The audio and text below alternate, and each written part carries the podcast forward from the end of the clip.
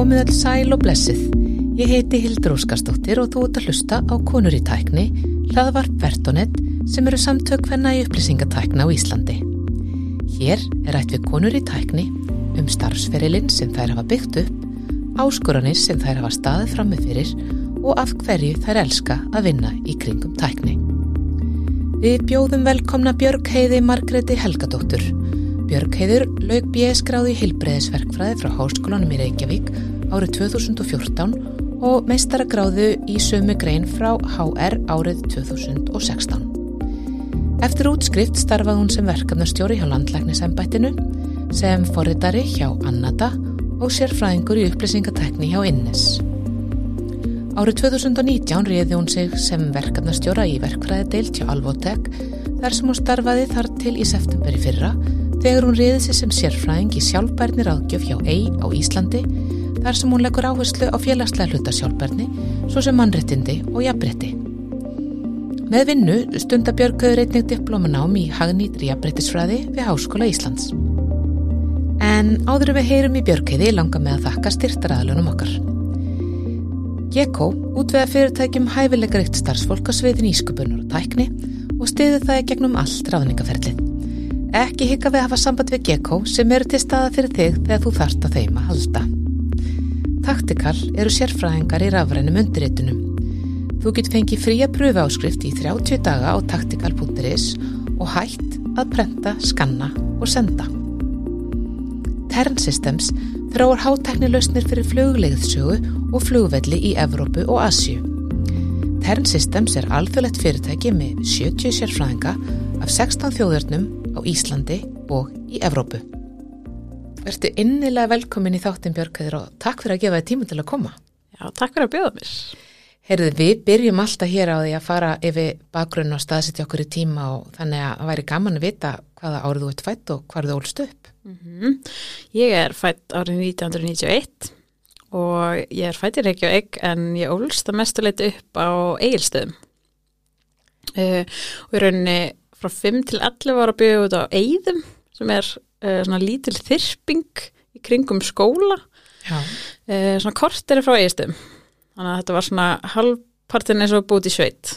Mjög mikið frelsi og skemmtilegt sem barn að hleypa bara út í byrjun dags og koma heim eftir Já. um kvöldið. Já. Þannig að þú ferði í barnaskólan, er, þá, er þá, það er ekki skólið þar, þú ferði í barnaskólan á... Sko, ég fór, fyrstu tvö árin var ég í barnaskólum á Eyðum um, en svo voru sveitafélagin saminuð og þá fór ég með skólabíl inn í Eyðistæði Já. skóla. Já. Og ertu þar alla þína grunnskóla, að það er grunnskóla aldur? Ég klára grunnskólan á Eyðistöðum, skæðast þannig frá Eyðistæðaskóla og fer svo bara beint í mentaskólan á Eyðistöðum. Já. Já. Og hvernig voru þessi, þessi úlingsár þarna fyrir austan? Bara ótrúlega uh, næs. Já. Ég hef alltaf einhvern veginn uh, kunnað að meta að vera frá landsbyðinni, sérstaklega eftir að ég flutti í bæinn. Bara eitthvað svona samheldni, uh, mjög skemmtilegt og heilsar alltaf fólki hérna út í búð þegar maður myndir ekki einu svona nekka út í netto og eigist þeim sko. Þetta er svona svipa að hitta Íslandiki H&M í Danmörku eða eitthvað. Það er alltaf eitthvað svona, já, ert þú frá eigist þeim? Já. Og hvað hérna, hvað varstu nú þarna að ferði í mentaskólan, þarna ME þá og, og hvað ertu nú að hugsa svona á þessum uh, árum að stefna fyrir, var eitthvað þarna komið í hérna, varstu eitthvað farin að hugsa um þarna hvað þú ætlaðir að ta- taka þið fyrir hendur? Já, ég uh, gekk semst alltaf vel í skóla, bóknám lág mjög vel fyrir mér um, og ég sá einhvern veginn alltaf fyrir mér að ég ætti þá bara að verða læknir af því að það væri svona virðingamesta starfið og þú, fólk sem væri gott í bóknámi færi læknin þannig að ég hérna stilti náminni í mentaskólanum þannig upp að ég væri að fara í indökuprófið og skoði þú veist hvaða áfanga maður ætti að taka fyrir það og svona. Og já þannig að hérna, það var alltaf draumurinn að verða læknir. lágu allar námskreinar bara jafnvel fyrir þér? Já, uh, ég er ótrúlega heppið með það að bóknám bara uh, samankort því félagsgreinar eða, eða raungreinar. Uh, fyrir utan landafræði ég er alveg skelvileg í landafræði ennþá. Og hef var valdið pappa mínu miklum vambriðum þar, hann er mikill landafræði. Er, er- er þetta eitthvað skilt við að vera líka áttavilt eða er það bara hvað hlutin Nei, ég eru? reyna ekki, sko, ég veit ekki alveg, það er bara, ég fekk ekki landafræði genið, um, en En eða þú ert með öll hinn, Já. er það ekki alltaf ég lifa ágættu lífi, sko. Já, háið er ekki daglega. Nei, Nei. Ekki, ekki daglega, en kannski þegar einhver byrður mig um að koma austan minn við bygginguna og ég, já, Þá ekki er maður alveg. lost, sko. Já. Og ég er alveg með þetta, sko. en já, svona, þú veist, uh, bara, uh, fekk bara nýjur og tíur í eiginlega öllu Já. og þá er líka svolítið erfitt að að velja sko nám af því að þú, ef þú ert bara ótrúlega góður í íslensku þá langaði bara svolítið að fara í íslensku því að það er, það er svo miklu skemmtilegra að vera í einhverju sem þú ert góður í Já. um, þannig að já, þetta var svona já, En læknir er þarna eitthvað sem kemur upp og þú já, í rauninni þá velur þér hérna greinar í mentaskóla Mhm. með það í huga að fara í læknisfræði. og í rauninni sko hafði ég ekkert pælt í því eitthvað hvað felst í því að vera læknir eða, og það var engir, veist, engir í fjölskyldin sem var læknir, það var bara eitthvað sem ég beit í mig Já, eitthvað, ég Já. veit ekki alveg nákvæmlega. Og þú tvætt 91 og þú ert útskast á grunnskóla þarna þá 2000 og sjö, 2007. mm. klára ég ME þarna 2010 Já, fer bara beint söður, kókröst í prófið já. Uh, en ég Það kemst hefur nú ekki verið svolítið svona, hérna, já, bara viðbyrði. já, koma- að flytja, söður. Ákvæmst bara að flytja söður og fara í eintökubróið. Já, um, eða það er náttúrulega um sömurið sko, ég var uh, yfirleitt að vinna á sömurinn fyrsta árin þegar ég bjóði Reykjavík fyrir austan Já, en ég flytt þarna hausti 2010 til Reykjavíkur ég reyndar hérna af fjölskyldi í Reykjavík og uh, sem sagt, mamma átti íbúi í Reykjavík sem að sýstu mín að byggi þannig að það var ekkit það var ekki alveg, maður var ekki alveg hend úr heyrinni á, á hérna úr hæstu Já, þú átt eldri sískinni sem, að- sem að voru komin, mm Mhm, sem voru komin til suður. þess. Já, nákvæmlega. að, já, Það hefur nú verið svona, svona þægilegri tilhugsun. já Það er ekki, heldur hann að vera alveg einn. algjörlega og hérna mikill svona félagskapur í þeim þótt að það sé svolítið eldri en ég en við erum mjög nánar Já, sýstinnar já. svo ég hérna tvo yngri bræður Stór sískinni hópar. já, heldur við Já. mjög, hérna, mjög breiðu aldurspili en við erum mjög náinn öll Já, nákvæmlega. Þú ferði þetta eintökupróf í Mhm. lænsvæðina. Og hvað? ég bara kemst ekki inn í læknin þar Það verið áfall kannski? já, eða þú veist samt sko að því að hérna námi vel, lá alltaf vel fyrir mér þurfti ekki að hafa mikið fyrir því þá vissi alveg upp með sökin að ég var ekki alveg búin að læra fyrir prófið, kannski ekki alveg nægilega vel Nei. um, en hérna ég ákveði að fara þarna í lífefnafræði um haustið, Já. sem er svolítið það sem að mörg gera sem komast ekki inn í læknum er þarna einaðin í því klára það um, ákveði að fara að vinna í leggskóla á vorunni uh, eitthvað voðalega átt að vilt þarna á tjómbili, vissi ekki alveg hva, hvað ég ætlaði þá að því ég var búin að einblýna á læknin en svo fór allt í hún að renna með tvær grímur bara ætlaði ég að fara í læknsvæði um, fer í livjafræði um hustið svo 2011 þá erum við komin. Þannig að prófa enn ein aðra á námsgreinina. Af því að það kom í einhverju svona áhugaðsvíðsprófi en svo hérna um jólinn 2011 þá hitti ég vinkonum mína í hérna, partí fyrir jólabalið austan. Og ég er eitthvað að spyrja hann út í hérna, hvernig gengi að því að hún var að klára þessast heilbriðsverkvæði fyrstu önnuna Já. og við hefum verið samtaka í rauninni gegnum alla skólagönguna og veist, hún var bara, við vorum á mjög svona svipu lefuli varandi, hérna hvernig kokki ekki í öllum greinum og svona og ég var eitthvað, hérna spyrja hvort þetta væri ekki erfitt af því ég var alveg búin að skoða heilbísverkvæði og ég hugsaði bara eitthvað verkvæði, það er eitthvað svo rosalega erfitt, það er ekki fyrir mig Nei. ekki fyrir stelpuna sem var með tíu í öllum frungrinum Nei, skrítið.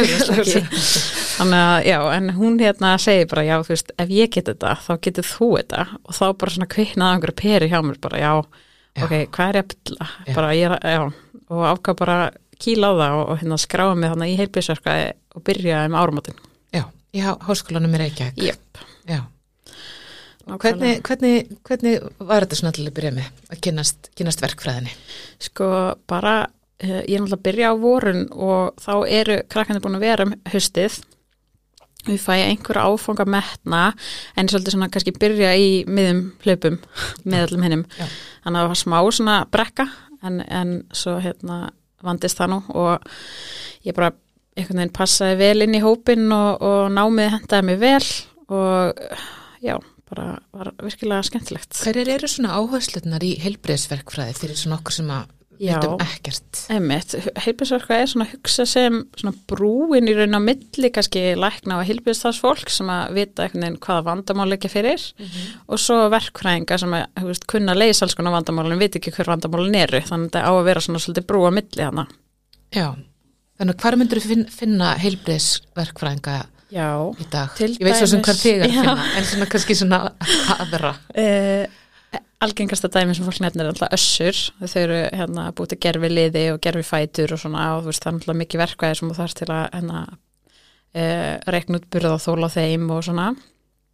Og svo eru alls konar uh, hugbúnaðarlisnir og hérna alltaf öll lækningatæki og myndgreiningatæki og, og alls konar svona já bara mikið af tækni í rauninni sem að snertir uh, svona heilbyrðiskerfið Já, já. Þannig að þú, þú myndir mæla með þessu námi.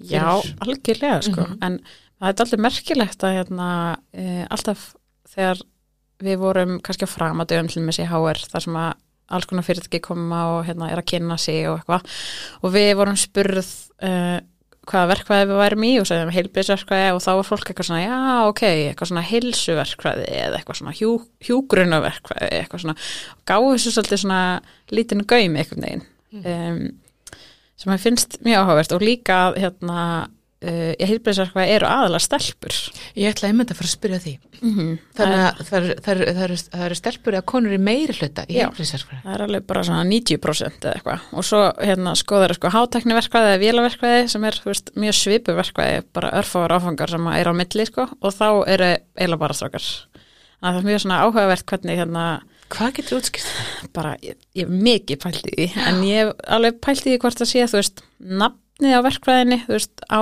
ennsku heitir þetta sko biomedical engineering sem er þá í rauninu svona lífenda verkfræði Já. eða eitthvað þannig, ég veit ekki alveg veit ekki alveg hvers konar kom með þýðing. þetta bæ- bæjó akkurat sko. þetta er- í. uh, en veist, eins og þegar ég hérna, segi erlendu fólki hvaða verkfræði ég með, þá er þau bara, ú, það er mjög erfið verkfræði, en það var ekki þetta var álitið svona kannski skörinni lægira að því að það voru líka meirliti stelpur Já.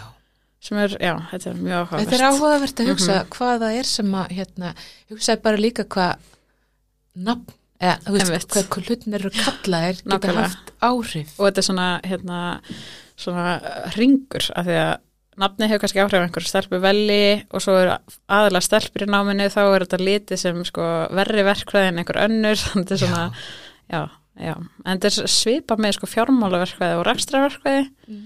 sem er í rauninni hérna, svipað yðnaverkfræði í HÍ og þar var svolítið stelpuna voru í rekstraverkfræði og strákandur í já, Skríti. það var Já, alveg mjög þetta er áhugavert að bara skoða svona þetta veginn, finnst mér, sko.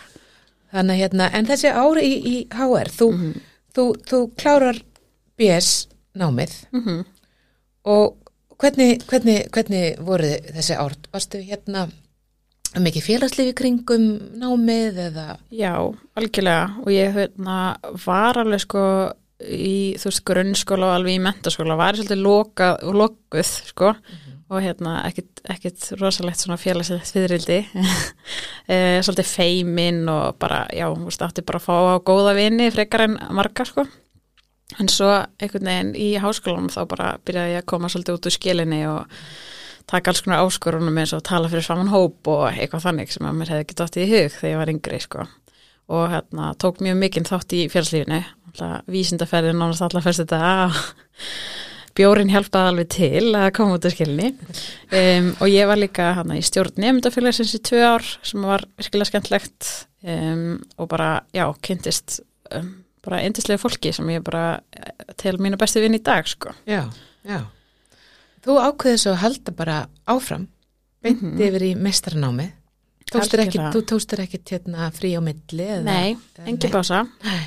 Það voru alveg flestir sem eru að klára með mér sem fóru annarkvort erlendis eða hérna í tóku sér pásu Mhm. en ég hef bara einhvern veginn ákvað að keira bara beint í masterinn um, og ákvað sko á sama tíma að ég myndi þá taka eitthvað skiptinámt af því að mér fannst alveg hérna, mjög spennandi að búa erlendis og, og vildi einhvern veginn skora sjálf mig þar.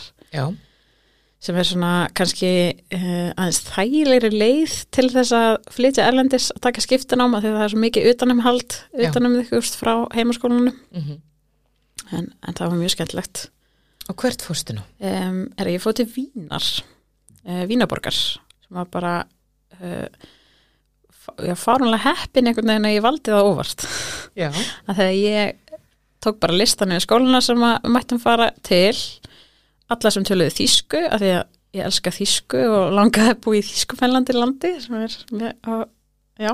Já, e, og e, fekk útlutað að fara til Vínar og bara, já, það er stór og, og menningar þvílik menningaborg og hún er mikil nánd við mörg landamæri og svona landafræðilega staðsett þannig og ég veit það þótt ég veit lítið um landafræði um, þannig að ég hérna fekk að það tækifæri til þess að ferðast til alls konar landa sem að hérna, og já, þetta var bara þvílik upplifun já. Og var, var þetta, þetta var eitt vetur eða ár sem Já, þetta var ein haustun Ein höstun. Já. Já, á hérna öðru ári í Masters já, og hérna, emitt, flutti bara ein út og uh, þetta var í fyrsta sinn sem ég hefði einu svona flóið erlendis ein. Þetta var rosa, rosa mikið skrif út fyrir það endur að mann og það voru engir aðrir íslendingar í prógraminu þannig að ég þurfti bara að gera svo vel að tala við einhverja og eignast einhverja vini. Þannig að já, þetta var bara reynsla sem ég býja að það sem eftir er. Já, og þú myndir mæla með að gera þetta fyrir þá sem er á þessu stað. klálega sko. Já, þetta er hérna, og líka bara hvað maður lærir um, já, bara það að kynnast og vinna með fólki uh, allstæðar að úr, úr heiminum. nákvæmlega sko Og maður lærir mikið á því. Emitt, búa bara hérna, aðeins út fyrir búblunar sem Ísland er og kynast fólki. Nákvæmlega, nákvæmlega. Ég komst einmitt að því að hérna, finnar eru svona sálufélagar Íslandíka. Já, ég heita frá rosalega mikið af fólki. maður tengir eitthvað við finna þó maður skilji ekki eitt, bara eitt píp frá, frá hérna, tungumálunum maður gessanlega veit ekki neitt sko, en það er eitthvað eins og svona við erum eitthvað sko. lík svona Já. í háttum og, og húmor einmitt, húmórin, það er alveg bara, já. það er eitthvað, eitthvað Mhm. við finna Já, Já, þannig að þú hérna hefur blandað geðið þarna við, við, við, við, við finna algjörlega. en svo kemur sérst, aftur heim eftir þessa önn og, og klárar hérna mastininn einmitt. og þá eru við komin í hvað ár? 2016. 2016 mann finnst nú bara frekar stutt síðan Já. en það er samt einhvern veginn svo langt síðan einmitt, komið núna sjör. sjö ár síðan Já. og hérna og, um, og, og hérna hvernig er það þarna í, í, í meistarnámin er, er, er, er, er lokarit lokaritgerð eða Já, þetta- það er verkefni eða- Meistaraverkefni sem að þú getur valið um sagt 30 eða 60 einingar Já. og ég valdi að hafa það bara 30 þannig ég geti bara klárað hann á vorunni þegar ég kem heim já, gera það í samstarfi við fyrirtæki. Um, og já, það er ekki BS-verkefni í verkfræði þannig að þetta var svona eina, fyrst og eina reykjarinn sem ég uh, kláraði í verkfræðinni í rauninni. Ok.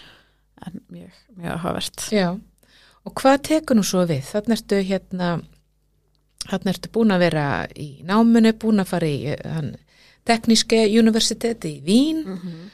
og hérna, og hvað, ef við, sko, mér langar kannski aðeins að fara aftur í það að þannig ertu komin að þennan stað, varandi svona bara fyrirmyndir, þar sem þú hafðir á þessum- árum, þú veist, voru, voru einhverju sem þú uh, leist, leist upp til eða horfið þér á einhvern veginn, þú veist, upp á svo hvað þú ætlaðir að taka þig fyrir hendur eða, Já, sko kannski mikið svona jafningja fyrir, fyrirmyndir. Já, uh, eins og ég nefndi að náttúrulega vinkunum mín sem að í rauninni er á, ástæðan fyrir því að ég er heilbyrðsverkvæðingur í dag. Já, um, en svo hérna líka svona því ég skoða einhvern veginn aftur í tíman hver, hversu mikil skortur á fyrirmyndum var eins og fyrir þú veist að hafa kvenkins verkvæðinga og, og kvenkins for, forritara líka í hérna já, þú, þið eru að læra forritun líka í Já, heilbreyðsverð. nefnilega, það eru hann skildi áfangar í forritun og þá, þá, þá er þá fyrst sem að ég fatta að mér finnst forritun skemmtileg. Já, var að hafa ekki dottið það til hugar hvorki í mentaskólinni, grunnskóla eða, eða neitt sko. Nei, og hérna, ef ég væri að velja í dag þá myndi ég örgulega að fara bara beint í BS í tölunafræði með að við svona hversum skemmtilegt mér fannst að forrita. Gaman að heyra það. og við hefðum svona valum að hérna uh, taka uh, valáfunga í forrutun og fylla upp í valið þannig. Já. ég tók hérna vef-forrutun og, og einhverja fleiri áfunga þannig að hérna já, það var svolítið svona í sirki það smá að hafa ekki haft fyrirmyndir einhvern veginn uh, eins og eru í dag, allavega ég vona að þetta sé orðið skára í dag eins og mér sann að stelpur í tækni átaki þar sem er farið í nýjunda bekk og kynnt þetta fyrir Emmett, stúlkum. Já, um, það er bara margt mjög flott hefur gerst bara á síðust árum ég er nú ekki ekkert eitthvað rosalega gummul en það hefur margt bæst til hins betra já, bara til dæmis samtöku svo verðanett að við séum að vekja aðtegli ákvæmlega sko verðan þessu, mjög sko. mikilvæg samt, samtök líka Já, nákvæmlega. Þannig að það er svona, einmitt þessi skortur á fyrirmyndum Mhm. kannski, frekar heldur en eitthvað eitthva, að hafa verið með eitthvað sérstaka í huga. Já, en svo hérna náttúrulega þegar ég er að útskjáðast myndast svona kannski tómarum af því að þú ert búin að vera svo mikið í félagslíðin í skólanum Já. og þú bara, skólinn er bara búinn og, þú, og ég var bara, hvað ég að gera núna við líf mitt eitthvað, fyrir utan vinnina þar segja um, og hérna þá kynnist ég hérna ÖAK ungum aðtarnakonum Mm -hmm. og þar í rauninni eru rosalega mikið fyrirmyndum uh, sem er hérna já, sem ég bara hef sangað mér þá í gegnum viðbyrði þar í gegnum tíðina. Já, rosalega upplugt og flott starf sem þær hafa unnið. Og er að vinna þar. algjörlega sko.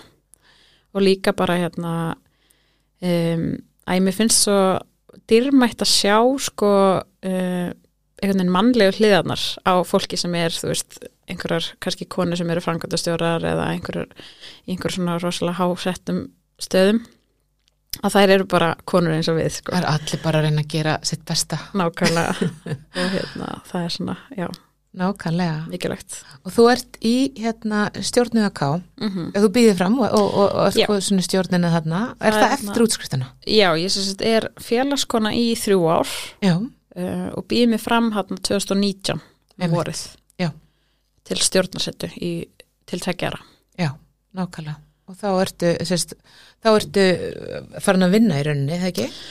Já, já, Já. Þá, þá er ég alveg byrjað að vinna og hérna um, en veit, beð mig fram hann ári áður sem er uh, og komst ekki inn þá í stjórnina Nei, og það var mjög hérna, góður leksi að ég að tapa þetta er svona, hérna, maður er alltaf gott að því bæði já. að gera mistök og, og tapa að, að, hérna, að læra að tapa með reist og reyna aftur þú læra bara rosalega mikið af því að reyna við eitthvað og hérna, þóttið takist það ekki já, nákvæmlega, nákvæmlega.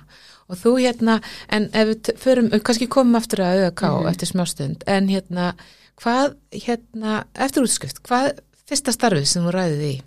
Herru, það er sérst hjá embætti landlæknis Já, sem hérna verkefnastjóri þar um, þar sem ég var að taka þátt í uh, að innliða nýtt greiningakóða kerfi.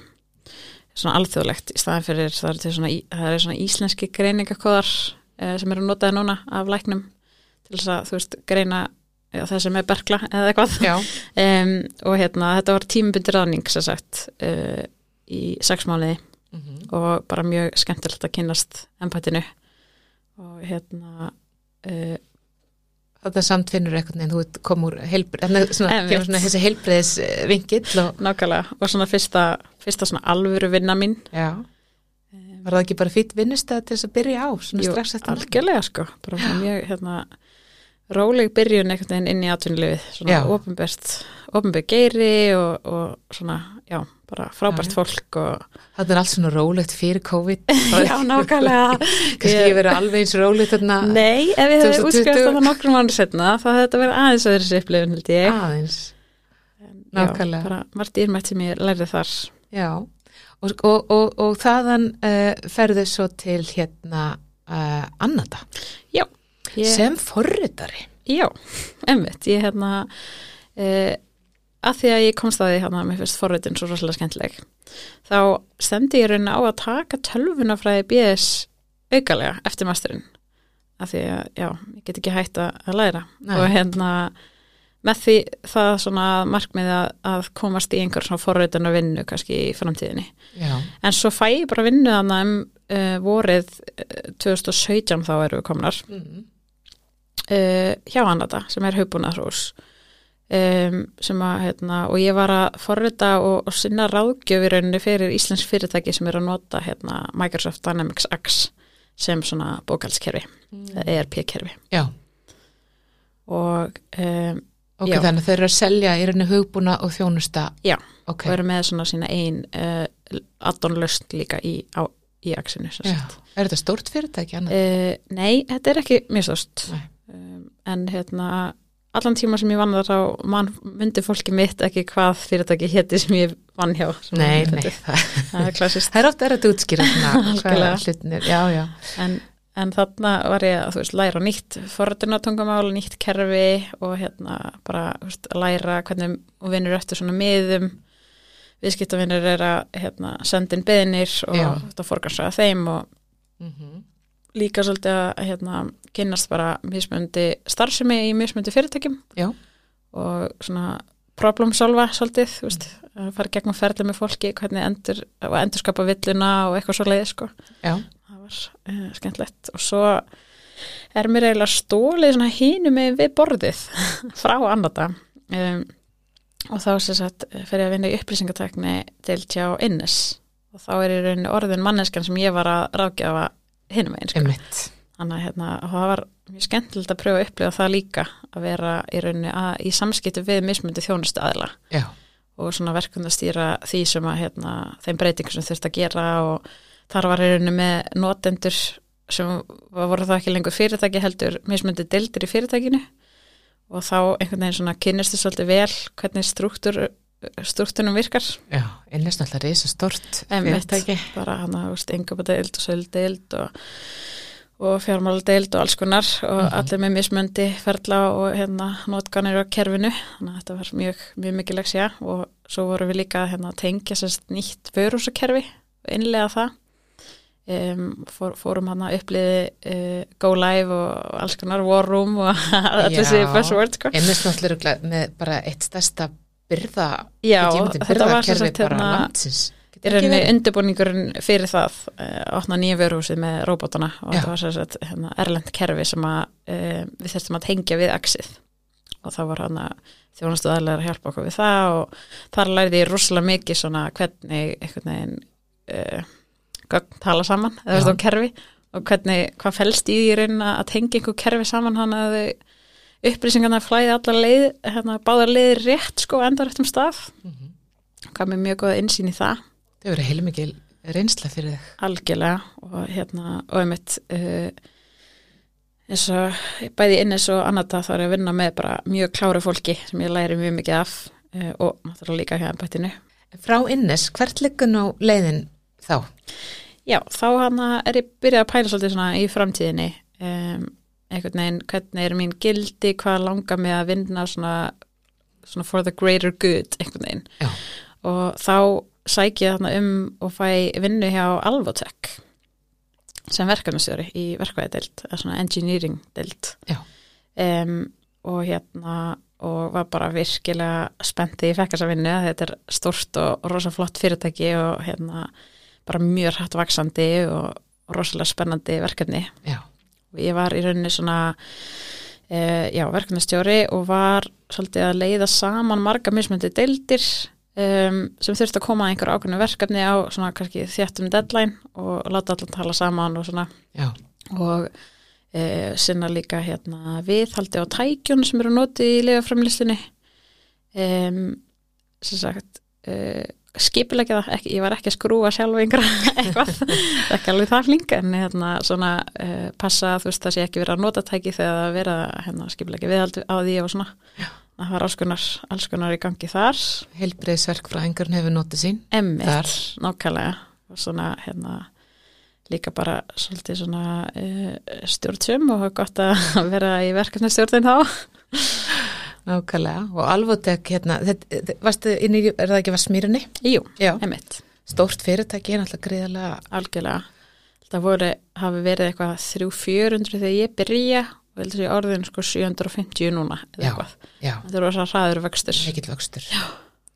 og hérna svona mjög ört uh, ört vinnuumhverfi og ég hérna enda bara svolítið á að, að uh, meika það ekki lengur Nei, það er kannski gott segvi í hérna svona næstu strömmkverfi lífið mínu. Já, nákvæmlega. Og þarna ertu líka, þú ert ekki bara þarna að vinna hjá Alvotek, þú ert Mhm. líka í ÖK. Þú ert að koma þar að- ymsu, ymsum bara uppkomum, viðburðum, skrifaðir grein, það er um Einmitt. þriðjuvaktina Algjörlega, þetta er hérna, eh, sem hægt er að finna þá á netinu. já, heldur beður. Um, þetta var, emitt og, og ÖAK, veist, þetta eru rosalega hérna, metnaðfull samtök. Já, Þetta er náttúrulega 6-7 konur í stjórn sem erum allar hérna, brenna fyrir einhver ákveðnum málefni og, og allar hérna, rosalega metnaðfullar og, og viljum gera allt rosalega vel og hérna, hérna var ég svona aðeins byrja að, keira, keira aðeins yfir mörki mín án þess að fatta það svolítið. og hvernig lísti það sér? Já, sem sagt þarna í lók uh, er hann ég er hann í tvö ári stjórn uh, og í lók setna ársins þá erum við að skipleggja ráðstöfnu um, sem, og þetta er alltaf bara rosalegt rosalega vinna baku það að skipleggja alla, alla þessa viðbyrði og, og svo ráðstöfnu og ég endaði að fá bara hérna uh, merki frá líkamannum að ég þurfti að stoppa. Já, það var svolítið svona eftir að hyggja líka, hérna, heilin er búin að vera að senda skilabóð, bara streitu skilabóð, bara svona, alls konar einkenni sem er auðvelt að hunsa. Mhm. og þá er heilin bara, já, já, hún er ekki að hlusta ég fer beint í líkamann. Já, og þá sem sagt byrjaði ég að fá bara mjög svona útbreyta stóðvirki í liði bara óutskýrða kipp í andlit og alls konar bara eh, einkenni. Já, og þá hérna, já, var ég svolítið uh, byrjaði í rauninu svolítið ferðalag upp úr því. var mér lengi að viðkynna fyrir mér sjálfur uh, hversu veiki var orðin. Já. Ég byrjaði að hérna, vera bara, já, já, ok, ég þakka reynilega að taka pásu frá stjórnastörunum mínum í ÖK. Þú fannst þetta var eitthvað orðið of mikið Já, ála, álag í rauninni. envitt. Já. Ég hugsaði bara, já, ok, þá tek ég bara þennan stressor í, úr lífinu mínu í mánuð, bara tek Já. mér pásu. Ég held að það væri bara nóg.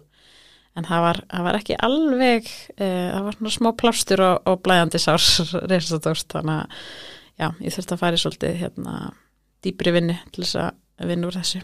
Já, og hvað, hvað, hvað, hvað gerðir þau? Þú, þú, þú ert þarna starfsmæri á Alvotek.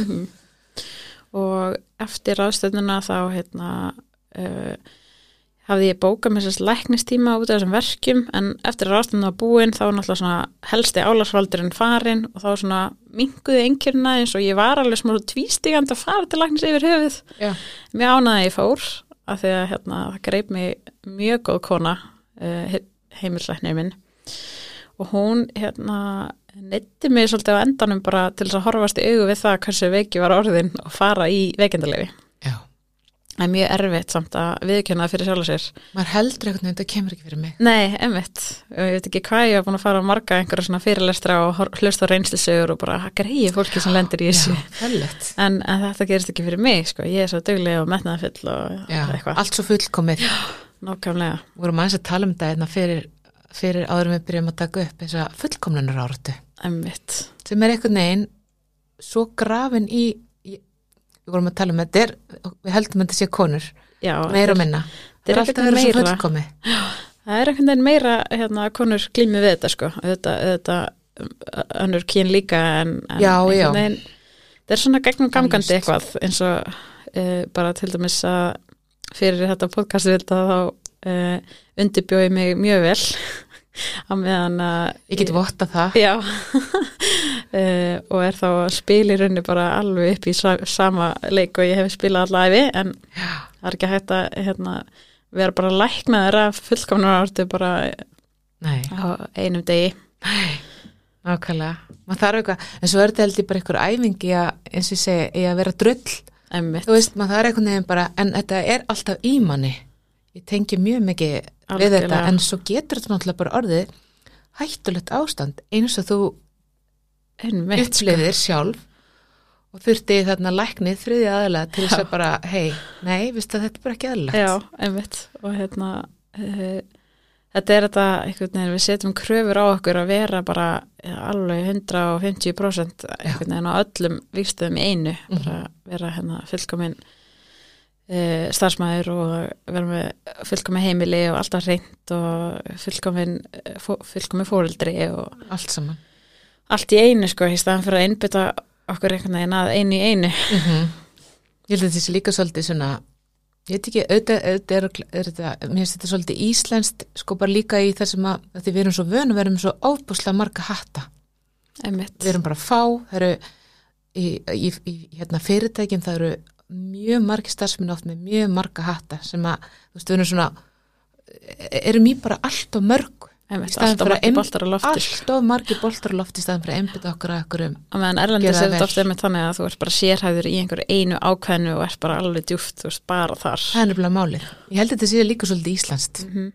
Það er alveg góð punktur sko. Já, ég hef verið Mhm. að hugsa þetta svolítið og hérna, nei, nei, en, en, en þú, ert, þú ert í rauninni þér er sagt að fara í veikindalegi Já. þú hlýði því?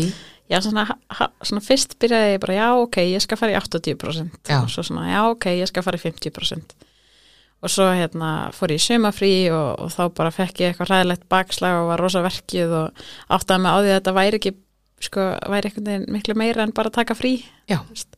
Þannig að ég samþykja þarna eftir sumafrí að fara í 100% veikindalegi í nokkra mánuði. Já, og, Og vinnuveitandinn hefur alveg tök þegar það tekið því bara? Já, já, algjörlega og hérna uh, þau líka, þú veist, borguðu einhverja salfræði tíma og, og alls konar, þetta hérna svona, svona nútíma fyrirtæki eru mjög uh, góði að halda utan á fólk, náttúrulega. Algjörlega. En hérna, já, þannig að ég fer í vekendilefi og er hérna bara að kvíla mig og, og finna aftur svona uh, ástriðu fyrir hlutunum. Já, byrja að lesa aftur hafi lesið mikið sem barn en, en hafði ekkert lesið sem fullarinn um, náði að lesa fullt af bókum. Og hérna reyfa mig og stunda hugleðslu og fara í jóka og alls konar alls konar sinna svoleiðis, sko. sjálfur þér bara Nákvæmlega. aðeins að hérna, já, nákvæmlega. Og hvernig er nú vegurinn búin að vera núna að koma tilbaka? Sko, þetta er rosalega fyndið því að um, ég var alltaf bara hjá læknum og sálfræðingum bara, ok, en er ekki einhver checklisti bara sem ég get klárað og svo er ég bara orðin betri. Já, þú hérna læknast. nefandinn alltaf með tíu öllu Bara, er þetta ekki, ba- er ekki bara eitthvað svona hvað verkefni þarf ég að sinna? Hvaða checkboxum þarf ég að loka nákvæmlega. Þannig að ég var svolítið hérna, lengi að koma mér út því einhvern veginn að hérna, þurfti bara svolítið að finna það hjá mér hvenær ég væri tilbúin að fara á stað aftur og svona. já, og er hérna, þegar ég kem aftur úr veikindileginu þá finn ég bara svolítið að ég fer bara aftur í sama far í, hjá Já. um, og hafði bara einhvern veginn ekki alveg orkuna í að sko byrja að byggja upp einhver mörk þar sem hefði ekki verið mörk áður og svona að ég einhvern veginn svona ákvað bara að það væri komin tími til að skipta aftur um starf. Já, og þá hérna þá erum við komin sko síðasta sömar Síðasta sumar. en hvað ef við förum aftur í? Þú skrifaðir hérna um, greinum þriðuvaktina algjörlega. Og hvað með þriðavaktin er oft eitthvað sem er bara alls ekki fyrir, alls ekki í vinnunni. Eða veist, það er bara allt þetta allt þetta hitt sem að bara við erum að sinna fjölskylduna. Algjörlega. Reyndar hérna að því ég minnst á stað að það er alveg þriðja vakt á vinnistað sem fælst oft í, veist, eins og hérna að skipleggja happy hour eða kaupa fyndu samanlega fyrir sigga eða hérna passa að sé Það er böndu blóm fyrir þennan og eitthvað svona sem að er svolítið fælin vinna, ganga frá eftir fundin, eitthvað passa að sé sett stað í logdags og alls konar, veist, þannig að hún finnst víða það er alveg rétt, það er alveg rétt, það er oft sama fólki Algjörlega, sem er í þessu algjörlega einhvern veginn svona sjálfskipað. Já, Um, en já, þannig að við uh, erum sérst að halda þannig viðbur sem heitir Ofurkonan þú. Þannig að einmitt haustið í rauninu áður en að ég lendi í, í, í kulnun. Um, svolítið kaltæði svona, hérna, við vorum sérst að endurskilgrina hugtaki Ofurkona já, og reyna að impra fyrir fólki að veist, það þarf, þarf að gera fullkomi alls þar og uh, þetta er svona dæmið það hvað um, það er sniðið þetta svona practice what you preach kannski.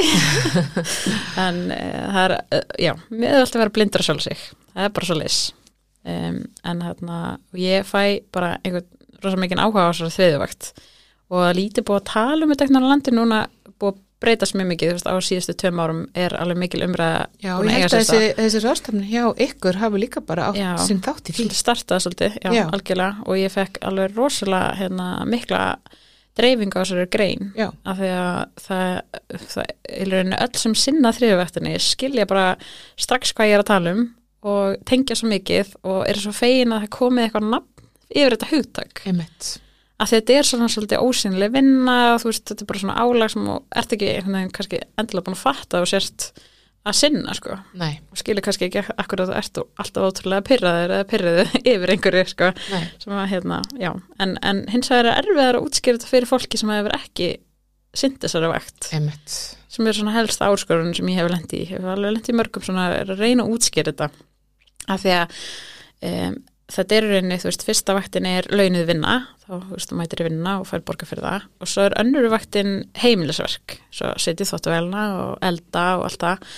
Og þar hérna, heldur mikið af fólki, veist, að, mikið af karlmennum eh, að þess að alhefa um, að það sé þriðavaktin að, að sko skúra eða eitthvað. Einmitt. í staðin fyrir að þú veist þriðavættin er rauninni að passa að það sé sett þóttæðilega stað til þess að það sé til hrein föt fyrir börnin á morgun, all þessi svona plan vinna Mm Rauður dagur í leikskólanum. emmitt Allir að koma í mismunandi sokkum þennan daginn. og þú veist, ammali á þessum helgina það þarf að koma og hérna, Það þarf að safna í gjöfum, Eitthvað. þarf að fara að kaupa hana og pakka já. inn og skrifa kortið. ég Og... mitt hérna tek oft dæmi með uh, vinahópi sem hefur farið í bústæðaferð sko og hver er að passa, þú veist, uh, það sé hérna, aðtökvært sé tuskur á staðanum og passa að koma með tuskur og koma með Já. senguföt og eitthvað svona. Já, það er svona bortiskurnar. maður fer bara át og í svona checklista í hérstnum alltaf, þú veist, og mér er erfitt að kúpla sig út í því sem ég þurfti svolítið með þetta að gera eftir uh,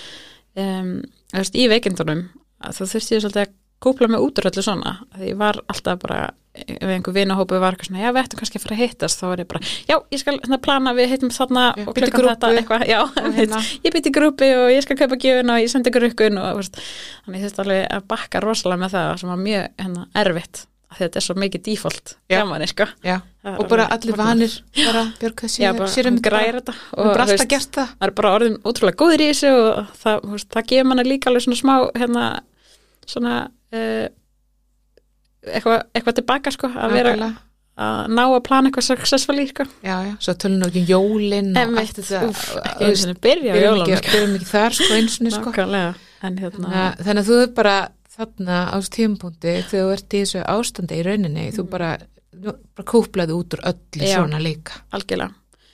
Um, og hérna ég klimti líka mjög mikið við það að þú veist ég kunni ekki alveg að útskýra þetta fyrir fólki að ég var að klíma við mjög uh, mikla verki veist, í líkamannum en ég var ekki komin en að greiningu eða vissi ekki af hverju þær voru þannig að mér varst ótrúlega skrítið að vera eitthvað svona, ég kemst ekki kvölda því ég er svo verkið þetta hljómaði eitthvað svo skringilega Einmitt. og þú veist, einmitt bara já, átti erfitt með þú veist, ef ég átti erfitt með að viðkenna þetta fyrir sjálfur mér það var sem ég mjög erfitt að viðkenna fyrir öðrum að ég væri bara í, í byllandi börnhátti sko. Nákvæmlega, bara þeir sem hafa verið í sama, sama ástandi kannski Mhm. geta helst skilið hvað átt við. Emmitt, nákvæmlega.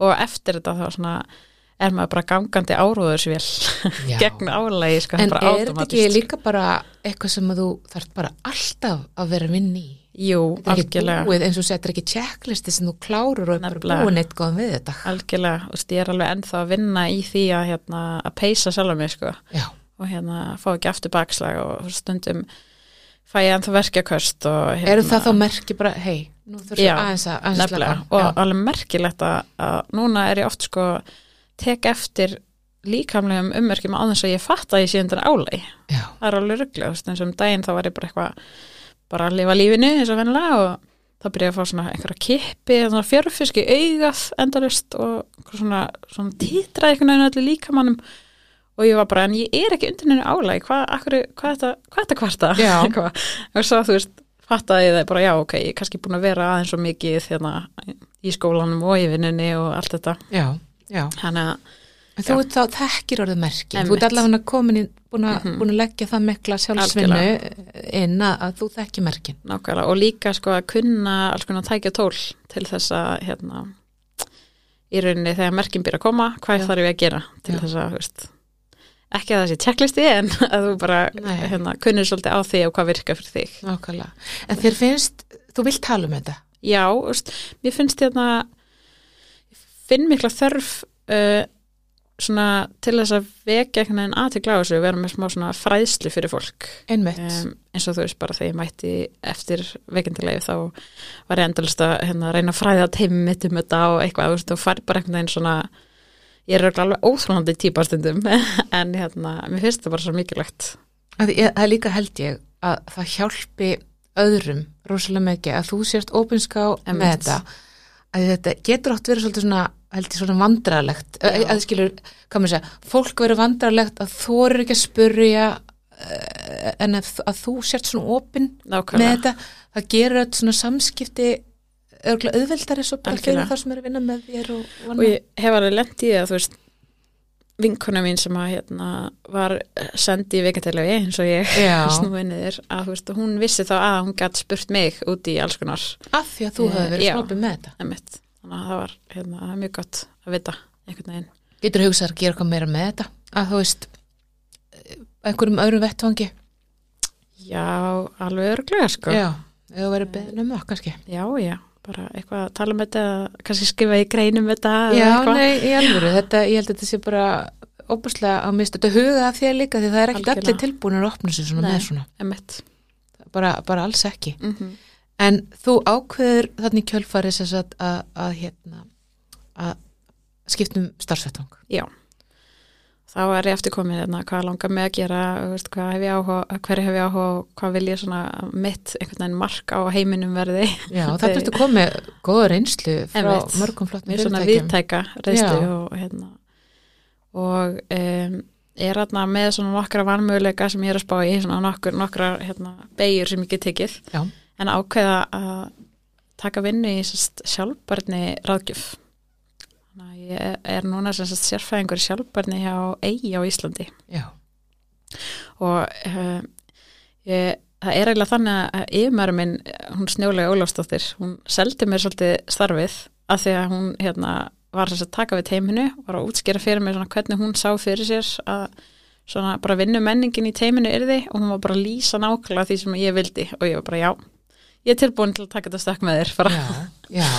Þannig að hérna, Þekktist þið þá eitthvað áður eða? sko uh, aðeins að talandum sko tengslanett Já. hvað það er mikilvægt um, þá hérna var þess að snjóleg við fengum hana til að tala á ráðstöðnu UK 2020 rétt kortir í COVID um, þannig að hún svona hérna, kannaðist aðeins við mig og ég vissi hver hún var þannig að þetta var svona já, en ja, þekkt hann ekkert persónulega Þetta er svo mikilvægt, einmitt líka f- bara þeir sem eru að hlusta ef að, ef að, ef að fólk hefur áhuga á einmitt já, bara þetta tengslanett að bjóða þessu svo fram mæta á viðbörðu eins og hjá VK eða Vertonet eða, eða öðrum.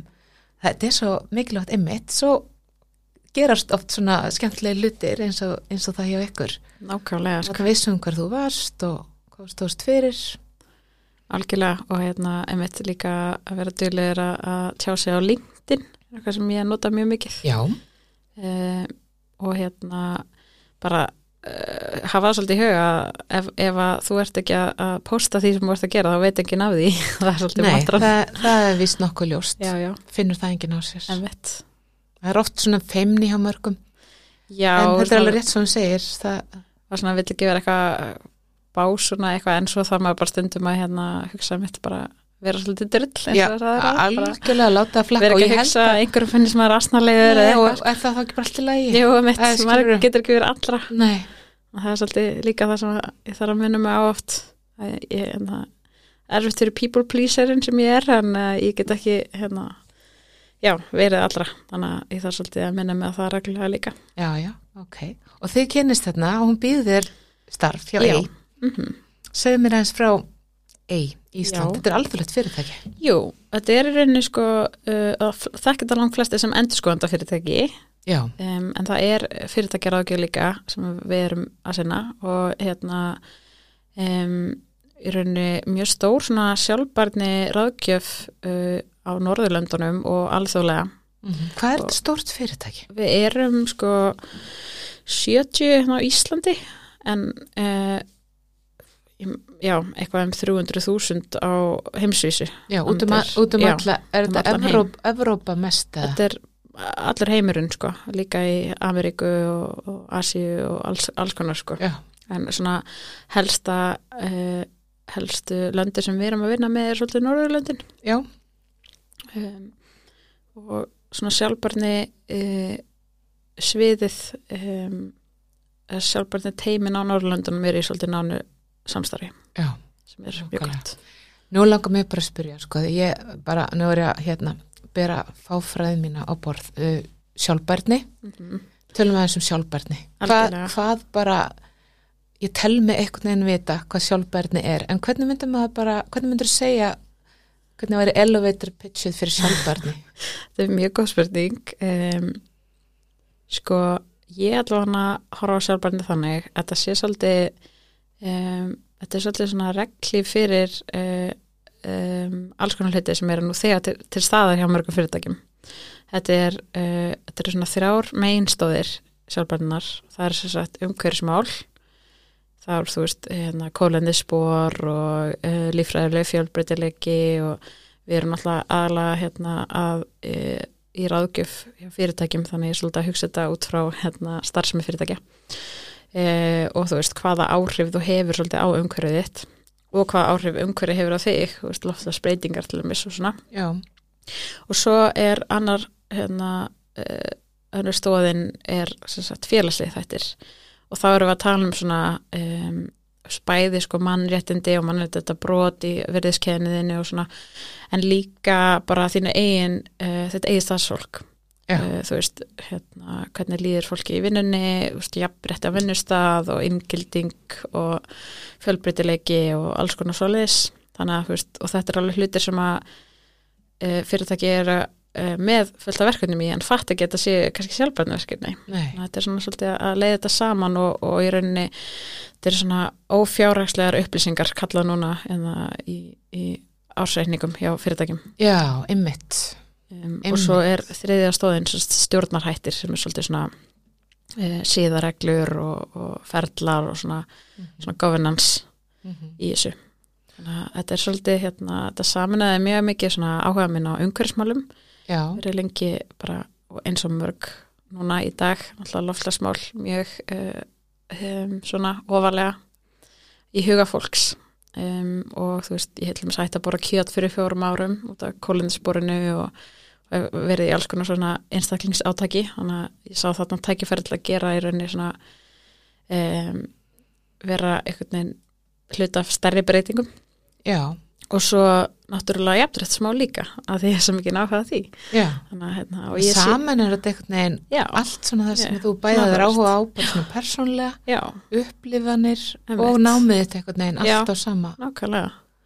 Og sko hérna einmitt um, líka gaman að henni hvernig sko bakgrunnum minni í tækni geranum er að hjálpa mér líka í þessu. Hvernig þá? að því að sko núna eru fyrirtæki eiga í rauninni að, að hérna, gera grein fyrir alls konar um, alls konar hlutum. Já, Alls tala um konar- grænt bókald og, Já, alls konar, hérna, Mhm. já, þetta eru mikið að tölum og mikið að upplýsingum og, og það gefur að skilja að þetta er náttúrulega kemur úr mörgum mismöndi kerfum og mismöndi stöðum í fyrirtækinu, hérna, kannski einhverju upplýsingar úr bókalskerfinu og einhverju úr manneskerfinu og veist, þetta eru alls konar, hérna, alls konar staðir og, og einhvern veginn það að skilja hvernig gögn eru geimd og bara svona basic, sko, veist, töflur og hérna og já, bara Já, svona gagnagrunnar og, og Já. hvernig það, það hef, allt sem að tengist. Emitt, og svo náttúrulega er líka mjög mikið að hugbúnaða lausnum í kringum uh, sjálfbarni vinnu Já, mikið af hérna, nýjum hugbúnaðum og, og þú veist bara emitt til þess að reyna að aðstofa fyrirtæki í að halda einhvern veginn utanum þetta allt. Nákvæmlega. Það er rosa dýrmætt að vera með þá reynslu. Og þitt starf er í ráðgjöf er það ekki Jú, helst? Þannig að við erum hérna, við erum ekkert rosalega stórt teimi hérna á Íslandi.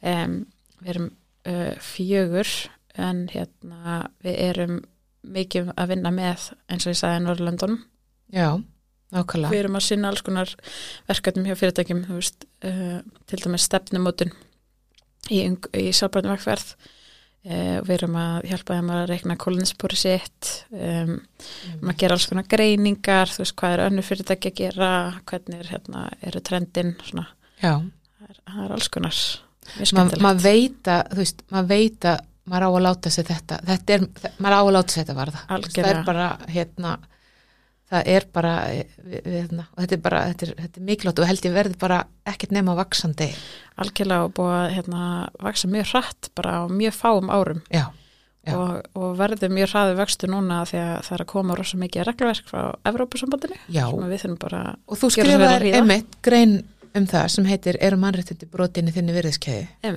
þar sem vorst að fjalla svolítið um það og þessa reglugerð. Já, það er hérna, þetta eru sagt nokkra reglugerð, það eru mjög svona, mikla skamstafanir og, og, og smá frumskóur en eitt af því er sem sagt CSDDD já, og það hérna er svona verður innlegt á næstu árum. Þá þarf þú sem fyrirtæki að, geta sínt fram á að það sé í rauninni engin mannréttindabrót í virðiskeiðniðinni þannig að þú eins og allir ef þú ert fata framlegandi þá þarf þetta að vera þú veist, vissum að allir bara bóndin sem sáu fræjunum fyrir bómulinn og þú veist, þeir sem týna bómulinn og, og svo litan og, og vefja og sauma og þú veist þannig að í gegnum alla keðina sko alveg þanga til að þetta endar í rauninni bara í uh, rusli. Já, nákvæmlega. Þannig að já, þetta er Þú ert þarna með, þetta er eh, CCASS, Climate Change and Sustainability Services já, það er eh, hérna, hérna já, Climate Change and Sustainability Services það Þetta er allt svona, heitir þetta er svo mikið svona mouthful einhvern veginn, þú sletti allt í kringum þetta. Og þetta er mikið svona ný yrði svolítið, maður er svolítið að sem bara svona almennur neytandi maður er svolítið að venjast þessu öllu ennþá. Algjörlega og hérna þetta er mjög fyndið að því að ef þegar ég var að vinna á Alvotek sem er svona legufyrirtæki þá er líka mjög mikið að skamstöðunum þar. Já, og mikið af svona lingu sem þarf að læra og svona. Þannig að hérna og svo kem ég í þetta og þá eru sko notaðar kannski sömu skamstöðun en það þýða ekki það sama þannig að maður er alltaf svona láttu með þekkið til flug innan, sko, það er endalaus að kamstafar, ég er ennþá að læra það, sko, Já. og veist, einmitt, mikið af svona gæða hérna, gæðakerrum í legabransanum sem er svipað í flug, flugbransanum líka já, sko. já, já, nákvæmlega. Mikið, mikið þannig sem maður lærir á því sko. nákvæmlega. En hérna, og þú, þú ert að þú, þú ert að njóta þín í þessu starfi? Já, bara alveg í botn. Já, og emitt líka uh, kemur svolítið inn á sagt, eh, hvernig vinnumenningin vinnumenningu við erum að byggja upp í teiminu. Já, svolítið svona hérna, að við höfum einhvern veginn sálfræðilegt öryggi til þess að geta uh, sagt bara já, þú veist, ég er bara á mjög erfiðan dag í dag og ég get ekki unnið eða eitthvað, þú veist, Já. bara eins einfalt að það hljómar, Já. er það bara mjög hérna, dýrmætt. Já. og eh, það er sko ekki sjálfgefið. Nei, nákvæmlega. Og fáum svolítið einmitt líka að um, velja okkur verkefni sem við viljum vinna. Já, um, já, og bara einmitt og, og mér finnst líka mjög gaman að fá svolítið að miðla minni reynslu ég er alltaf tróða einhverju framann í teimisvilaði mína að svona, já, við erum að passa okkur að taka okkur pásu núna og standa upp og hugleiða og eitthvað.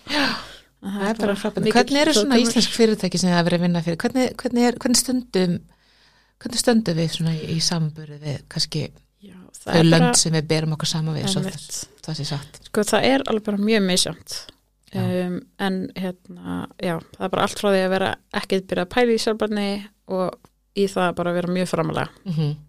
en við erum alltaf, alltaf aðeins eftir á eins og til dæmis þessi, þessi regluverk sem er að taka hérna, gildi í Evrópu munu koma aðeins setna til okkar.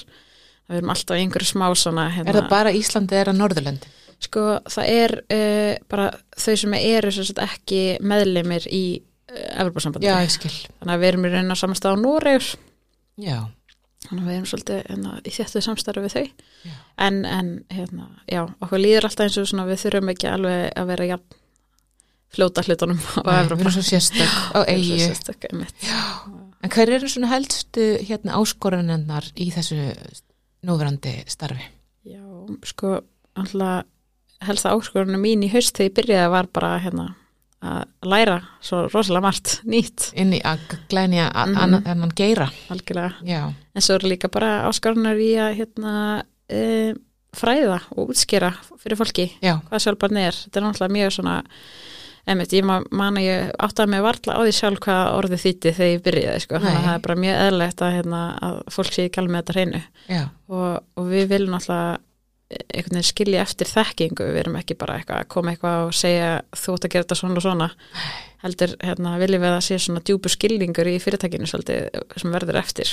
Emitt og það er alveg áskun að að fólk er líka bara já sjálfbarni það er eitthvað svona mm, ég ætla að keira um á ramaspíl eitthvað, Já. eitthvað bara um, umhverfismál. Já, þannig að þetta er svolítið, ég held að þurfi svolítið að bara menta fólk Já. í þessu, segja Svolítið, frá sko.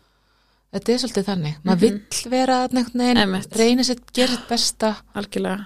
Og ég með tef svolítið hérna, mér hefur mjög gaman að því að svona, uh, reyna að miðla þekkingu til fólks uh, og sjá að hún skýra sér. Já, þetta er smá svona hérna, fóldra mínir báðir kennarar uh, eða svona hafa unnið í mentaskólanum og hérna, háskóla og verið kennarar þannig að ég er með smá svona kennarargen í mér já, mér finnst mjög gaman að uh, ná einhvern veginn að útskýra á mannamáli fyrir fólki Já. bæði um, þú veist, jafnbryttismál og hérna sjálfbarni og bara allt sem ég hef, hef eitthvað að segja um algjörlega og, bara, og þú ert að gera það núna sem Einmitt. er bara frábært og talandi jafnbrettismál mm -hmm. uh, þú hefur haft bara þú hefur haft svona brennandi áhuga fyrir jafnbrettismálum og, og, Já. og hérna og uh, svo mikið áhuga að þú ert aftur sérstu skólabekk. Núna með hérna vinnu. Og vonandi að passa þetta samt sko, að vera ekki hérna búið vera alveg áskorun að hérna, að, eh, hlusta á sjálfa sig. Um, ég er sem sagt búin að vera núna í uh, diplómanám í hagnýttir í jafnbryttisfræði já. í háskólanum í Íslands Er þetta eitthvað sem hétt einu svona kynjafræði og búið Sko, að breyta nafn á? Þetta nýtt? Mastersnámi heitir rauninni kynjafræði. Ok, en diplómulínin heitir þetta. Og þetta er heldur svolítið miða að sko um, bara fólki í atvinnulífinu þetta er svona svolítið hagnýting ég átti að sagði bókstaflega já. bara svolítið hérna læra alls konar uh, tæki og tól og tölfræði og svona mjög kemur sá hér? Sko, bara mjög góð spurning. Ég var ekki, ég er alls ekki eitthvað svona, hérna, jafnrættis eldur einhver frá mér frá æsku. Kannski, ég var alltaf verið svona, hérna, með mik- mikla réttlætiskend, en ég var lengi að móti því að kalla mig feminista, þú veist, ég er bara fram í háskólánin, sko. Já. Manna, ég var einhvern tímann að tala við vinkunum mína og ég bara, nei, ég er sko jafnrættisinn, ég er ekki feministi og svo hlægið af því í dag bara, já, ég myndi ekki segja þessa línu í dag en já, þetta er bara svolítið svona eh, eitthvað, ég veit, ég veit ekki einu svona alveg hvenær er nákvæmlega þetta byrjaði, þetta er bara svona einhver þegar ég heyri misrétti þá einhvern veginn kveikir þetta í svo mikil réttlætiskend að ég bara verði einhvern veginn að hérna, berjast á móti? Já, og í rauninni í gegnum námi núna og svona eh, núna undanfærin ár líka umræðin í samfélaginu brissaldi um, þá hérna hef ég svona aðeins líka uh, innleitt meiri uh, svona margbreytileika inn í mína svona jafnbreytis uh, ástriði eins og ég er að, að læra í skólanum þá um, erum við svolítið að einbytta okkur að samtvinnun já.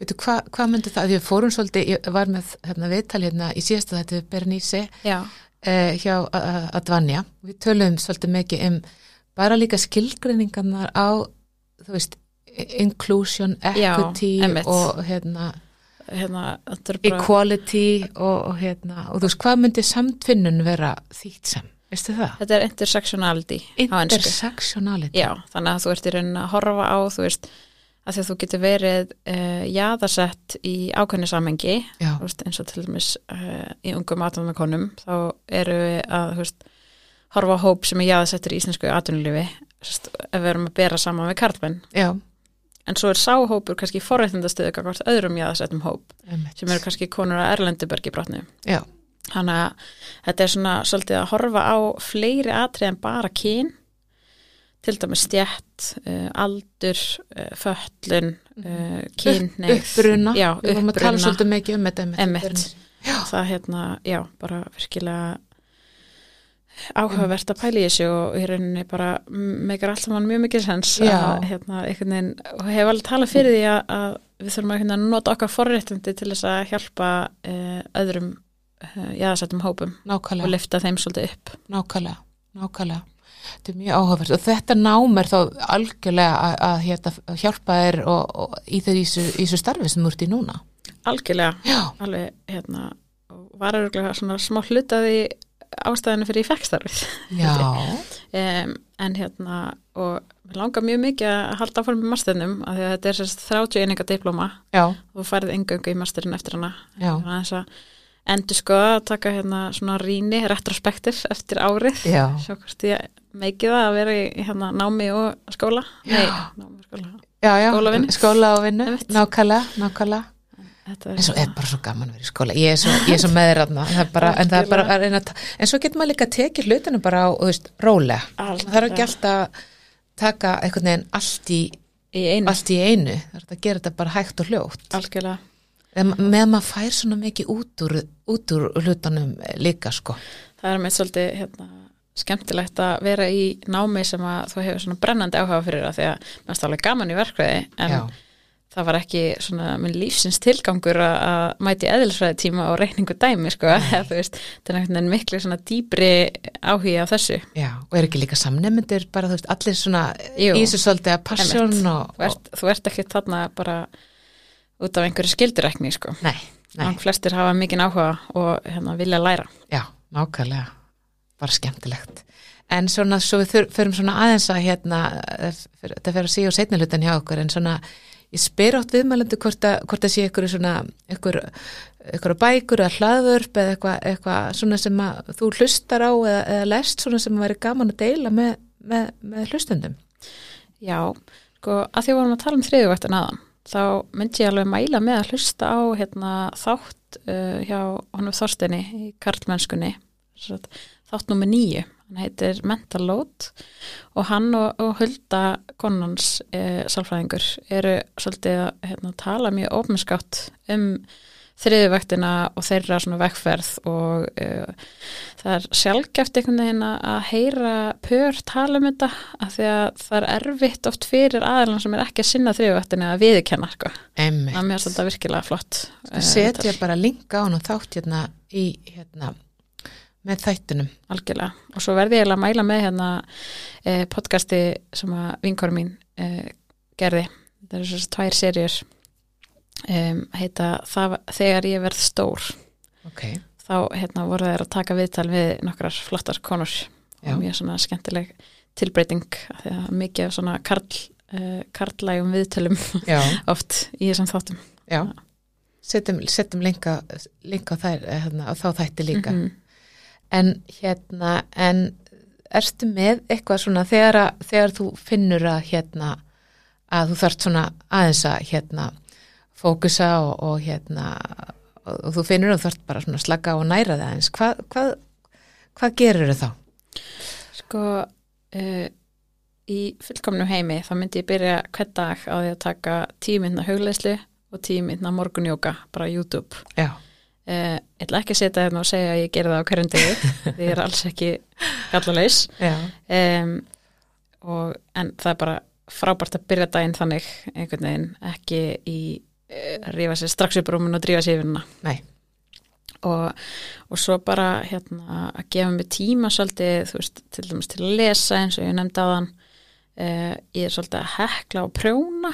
Svona, hérna mér finnst uh, mjög skemmtilegt að skapa eitthvað af því að ég var ekki svona listræn kannski, svona hefðböndin skilur ekki sem barn. Nei, og um, já og hitta fjölskylduna. Já, hérna, eins og ég sagði stóran sískinahóp og þau að fylgta börnum. Já, og e, þau dyrka frængu sína það er mjög gaman hjá okkur. E, en svo hérna fer alveg smáði tegnir á mig hvað ég með svona hvern staðalýmynda áhugamál. Já. svona lestur og út í göngutúr og prjóna. Vera alveg til í að fara bara að mála vorhamur kalla eða eitthvað til þess að svona aðeins vera með hérna uppsteitt en, en svona er þetta bara. Já, hver veit hvað framtíðin byrja skiptir emmitt, sér? nákvæmlega. Hver veit? Já, en hérna bara, uh, bara virkilega gaman að fá því í spjall Björgur og við bara hérna og það er mjög margt sem við farið gegnum hérna sem að ég vona að komi líka bara öðrum að gagni. Og þakka kella fyrir að gefa þið tíma til að koma. Bara takk kærlega fyrir að fá mig. Takk kærlega fyrir að hlusta Ég vil þakka styrtir aðlunum okkar, Gekko, Tactical og Tern Systems, en þetta eru fyrirtæki sem styrkja þetta hlaðvarp og verðunni til góðra verka. Ekki hika við að hafa samband við mig gegnum LinkedIn ef þú hefur einhverjar ábendingar eða spurningar. En þanga til við heyrums næst, farðu vel með þig kæri hlustandi.